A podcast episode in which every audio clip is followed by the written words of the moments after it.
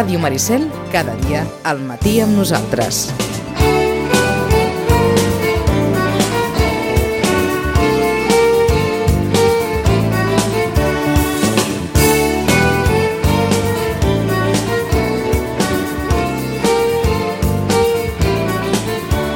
Això no t'ho faré dir, eh? Oh, no m'ho facis dir en antena. Això és una conversa privada, ara.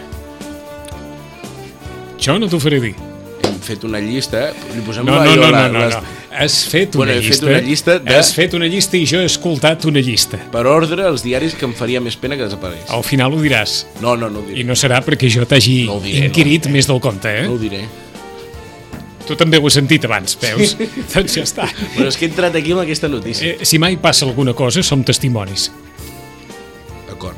Si mai, no, no si crec, mai No arribes... crec que mai treballi pel, pel periòdico. Perquè una vegada vaig No crec que mai siguis català de l'any.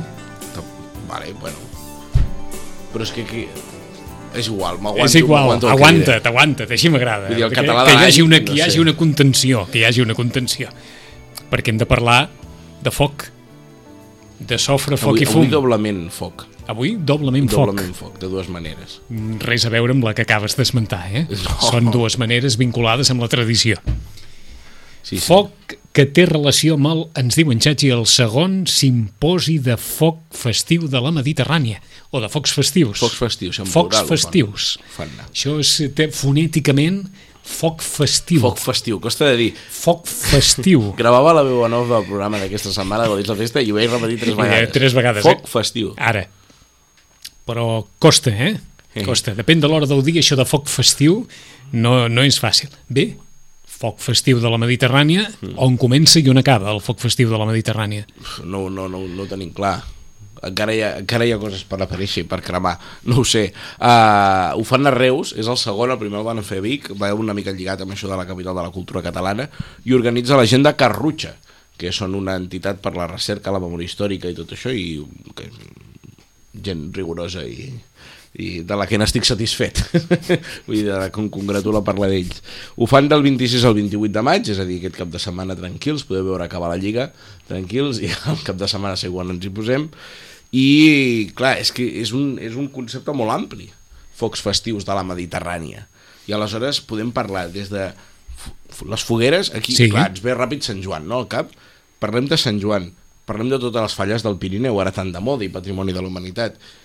Eh, Sant Joan té un, un ritus agregat, modern, però que, que no sé si a Sitges ho feu, a Vilanova es fa, però no sé si amb, amb més pena que glòria, que és la flama del Canigó. A dir, és una cosa moderna, però que hi ha molts llocs que ha moltíssim. És que estic, estic intentant pensar, eh? Perquè Sitges ha arribat la flama del Canigó algun any, però pels vols sí, sí que era Santa Tecla. Va. Ah, exacte. Que, que un any hi havia coincidència en portar-la en la sortida d'ofici de, la, de la festa major, uh -huh. però un any sí que va ser per Santa Tecla. Bé, algun any ha arribat la, la flama del Però la Canigó. tradició és portar-la a peu, normalment, des del cim del Canigó, on Ahà. s'encén la vigília de la vigília de Sant Joan. Ah, exacte. Jo hi he estat. És un, Has estat al lloc on- que he pujat pel meu propi peu. D'acord. Al cim del Canigó. Al cim del Canigó. S'encén allà, cantant. Oh, can... Pujol hi pujava molt sovint, eh? Sí. Allò era la flama de la llengua catalana. Vés a saber si era la mateixa. És que no ho sé. La flama del Canigó Disculpeu, està, mare, està eh? sempre, és a dir, si la voleu veure, és una espècie de, de, de flama dels Jocs Olímpics, no? que no s'ha de pagar mai, i està sempre al castell de, de Perpinyà, Ah, d'acord? I, però s'encén, es renova, la paraula es renova, cada vigília de la vigília de Sant Joan al cim del Canigó. Jo hi he pujat i sembla la, sembla la Rambla, allò, amunt i avall, un munt de gent, amb guitarretes, cantant, cantant cançons de Lluís Llach, no sé. és el de... La flama del Canigó és la flama de la llengua catalana, també? Sí. Gràcies. Jo m'olorava que... Que perdonin els ortodoxos, eh? però és que m'han vingut les flames per tot arreu, dic ara no sé. Ara mateix tenim 40 assessors tenim, a la cabina ja, Exacte, exacte. Els assessors ens diuen això. Però vaja, qui vulgui veure perpètuament la flama del Canigó, a castell de Perpinyà. Mm? I, bueno, hi ha moltes coses. Sí. Hi ha també el, els fanalets dels reis. És a dir, si ens posem a pensar tot allò que es fa amb foc, diguéssim, no manipulat, no pirotècnic, hi ha moltíssimes Ah, coses. és a dir, el, el simposi és foc, foc, foc, no pirotècnic. No pirotècnic, és, és a dir, el No foc pirotècnic, eh? És a dir, pirotècnic ja no hi entraria. ja no hi entraria. No hi entraria en castell de focs, colles, No. de, colles de foc, de qualsevol mena, no. Correcte. És a dir, el, el foc, diguem-ne, primigeni, el foc mm. essencial. Sí, clar, és que després parlem, pensem molt a Sant Joan, però també n'hi ha a l'hivern. És a dir, també tenim per Sant Antoni, hi ha molts llocs on s'hi fan fogueres. Fa poc aquí explicàvem el viatge a Mallorca per Cert. els, els fogarons Sí. de Sant Poble que són per Sant Antoni. Eh, i, ha, i fins i tot fins a coses que poden ser poden anar més a nivell de detall però que també són importants com per exemple l'encesa d'una tallera cosa que s'ha perdut molt us queda alguna, alguna tallera per aquí? una llàstima Que jo sàpiga, no. les talleres, dir, per qui, per qui ho hagi perdut ara mateix, Vinga. són una espècie de... de com, com explicar-ho? Són uns fanals a l'antiga, eh? Eh, el típic fanal que surt en horitzontal des d'una façana, doncs vostès se l'han d'imaginar eh, com un enxarxat de ferro, eh, gruixut, on s'hi posen eh, on s'hi posa la fusta i s'encén com si fos una, una petita foguera, un foc, i allò és una il·luminació. Mm -hmm. Ah. Això et dic, no, no ens en queda cap, eh? Remarco la tallera perquè a No, Reus no ens en queda cap una. de fa temps, eh? A Reus en queda una molt vistosa, no sé si en queden més, però aquesta és la més vistosa, a la Prioral, al costat de la porta de la Prioral de Sant Pere, i que l'encenen a més per festa major. És a dir, s'entén com, com a foc festiu, el que no al seu dia suposo que hauria ser un, un element, di- diguem-ne, de, de, propi de, de, no direm que del mobiliari urbà, però vaja, un, un element de, de vida quotidiana perquè calia encendre'l per veure, si no? De fet, clar, el, el foc, el foc és, va lligat a la festa per, per dos motius molt clars. A banda de, de, de l'escalfor que pot provocar l'hivern, el foc és, vaja, jo, costa trobar alguna més bàsic que el foc, l'aigua, el vent i no, els elements no, que s'explica, uh, però el foc té un element social a nivell que escalfa, a nivell que il·lumina, no sempre hem tingut Mhm. electricitat, Que purifica. Que, eh? Que purifica. que purifica, vull dir, tot el que puguem creure telúricament, després què s'hi pot fer al menjar? Vull dir, eh, el foc és normal que hagi sobreviscut, això ho, ho parlàvem amb l'entrevista que surt aquesta setmana amb el Salvador Palomar, que és de Carrutxa i és, un, i és una, una peça capdalt de Carrutxa i a més és un bon, un bon expert en cultura popular i tradicions eh, parlàvem això de que com sobreviu el foc festivament fins a dia d'avui, si potser no té una utilitat, si tenim un forn, si tenim una làmpara, mm -hmm. no? doncs sobreviu, a part que té un efecte hipnòtic, que a mi m'encanta, i tot allò telúric que ens hi podem imaginar, doncs perquè realment és un servei, eh, és a dir, ens il·lumina, ens escalfa, s'hi pot fer el menjar i... Bé, jo no, al seu dia també per, per Sant Joan s'hi cremava, Mm. vaja, s'hi crema.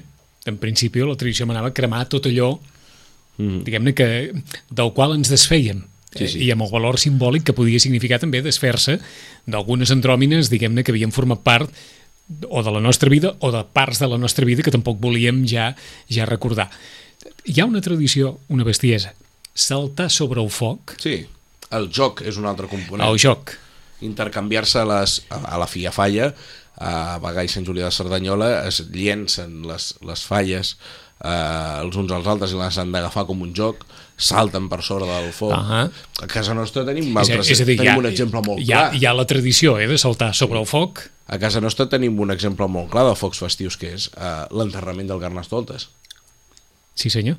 Eh? Vull dir, Un foc n'hi ha molts, n'hi ha molts, eh, tot i que encara no hi pensem a la primera, ara pensava, no sé, a Catalunya per Sant Antoni, deia, clar, Escó, Escó ballen jotes al voltant d'una foguera, aquella foguera potser no té res més que no sigui escalfar, eh? una nit de 16 de gener. Però, és, vull dir, hi ha, hi ha moltíssims usos festius del foc. Aleshores, el simposi, què fa?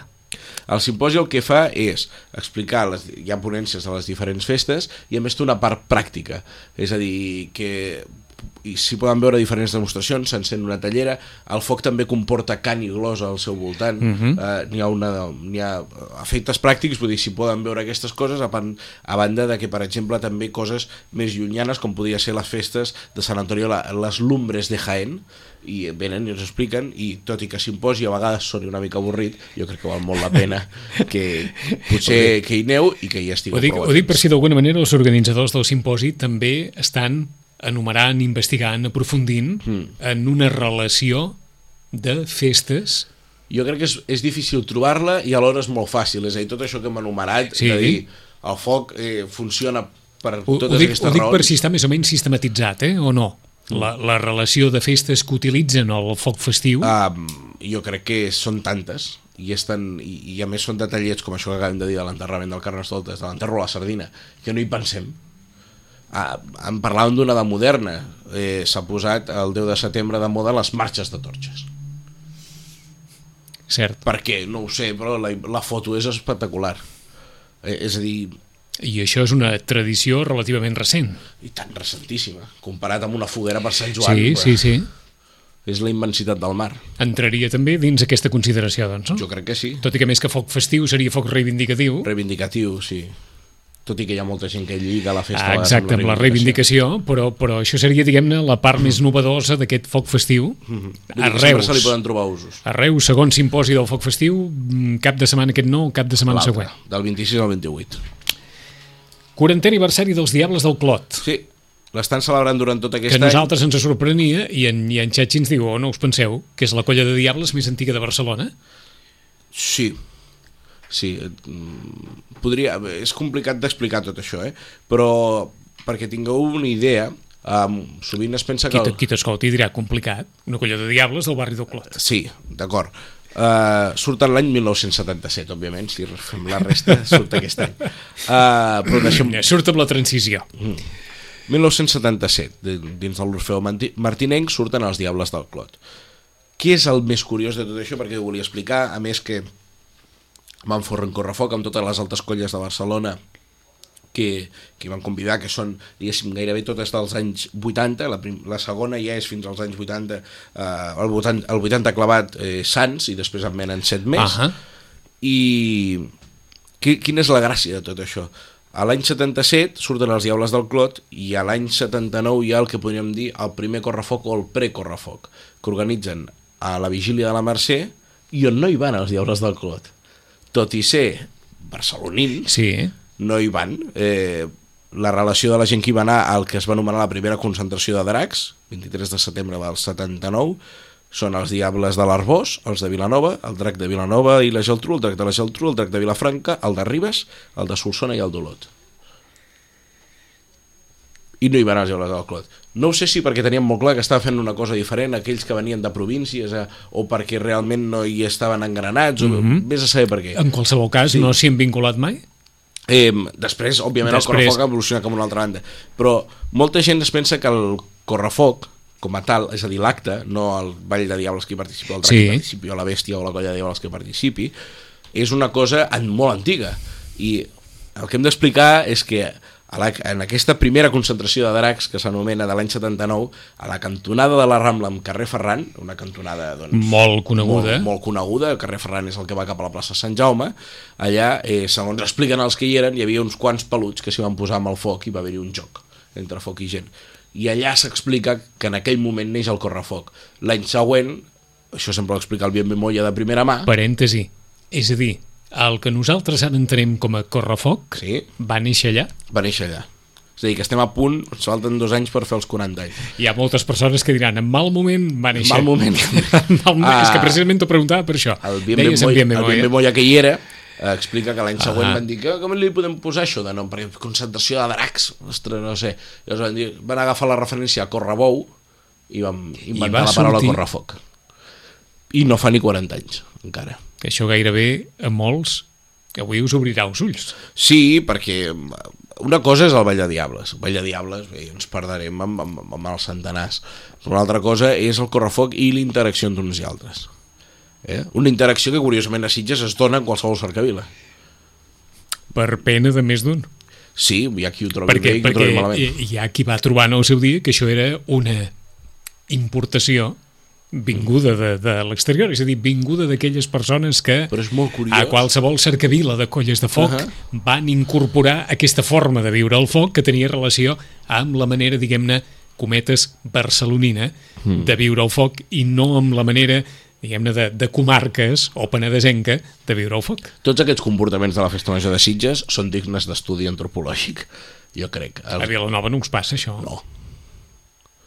Hi, ha, hi ha el correfoc, on la gent s'hi barreja i molt, i es tapa molt, a gran diferència de Sitges, on van sempre amb samarreta màniga curta, i en canvi, eh, els, a, a Sitges qualsevol cercavila és bona per barrejar-s'hi i no només amb els diables sinó que la gent intervé especialment amb tots els balls, no? Eh, vull dir, per pena o glòria de més d'un, l'entrada de grallers, el que sigui, tothom uh Ahà. està allà barrejat i...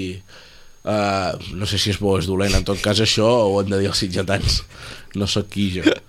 Però eh, és genuí? No, no, És- no ho, ve, eh, ho veus jo en pocs no, llocs, no això? gaire encara no? enlloc. Ah, arribes s'ha contaminat en, en, en, no en un aspecte negatiu de la paraula però s'ha contaminat d'aquesta Ah. manera de funcionar però no, no, no, jo no ho he trobat enlloc més tret d'un acte fet pensat Sí, Correfoc sí. de Vilanova em ve molt a casa, Correfoc de Tarragona, eh, per no posar Vilanova. Uh, la gent s'hi barreja molt i ja està. Però clar, Sitges és que tampoc hi ha la necessitat de fer això, perquè si, si la gent ja s'hi barreja a la processó, El cas de... Perquè molts sitgetans hi van, el cas de Sant Quintí també és peculiar, Sí, al cas de Sant Quintí la gent no s'hi barreja, el correfoc perquè, sí. perquè és més, diguem-ne, una colla que, per, que va buscar la gent, Mm. més que una colla que, que es fi, més que la gent que es fica dins d'una colla. El Vall de. Diables de Sant Quintí, si l'hem de definir d'una manera, és dir que, som, que és com molt autèntic, no? És a dir, que hi ha un... Van, el seu vestuari ja és molt diferent, Que avui no sé què passa, que anem Ah. al revés. Avui, avui anem molt al revés, avui.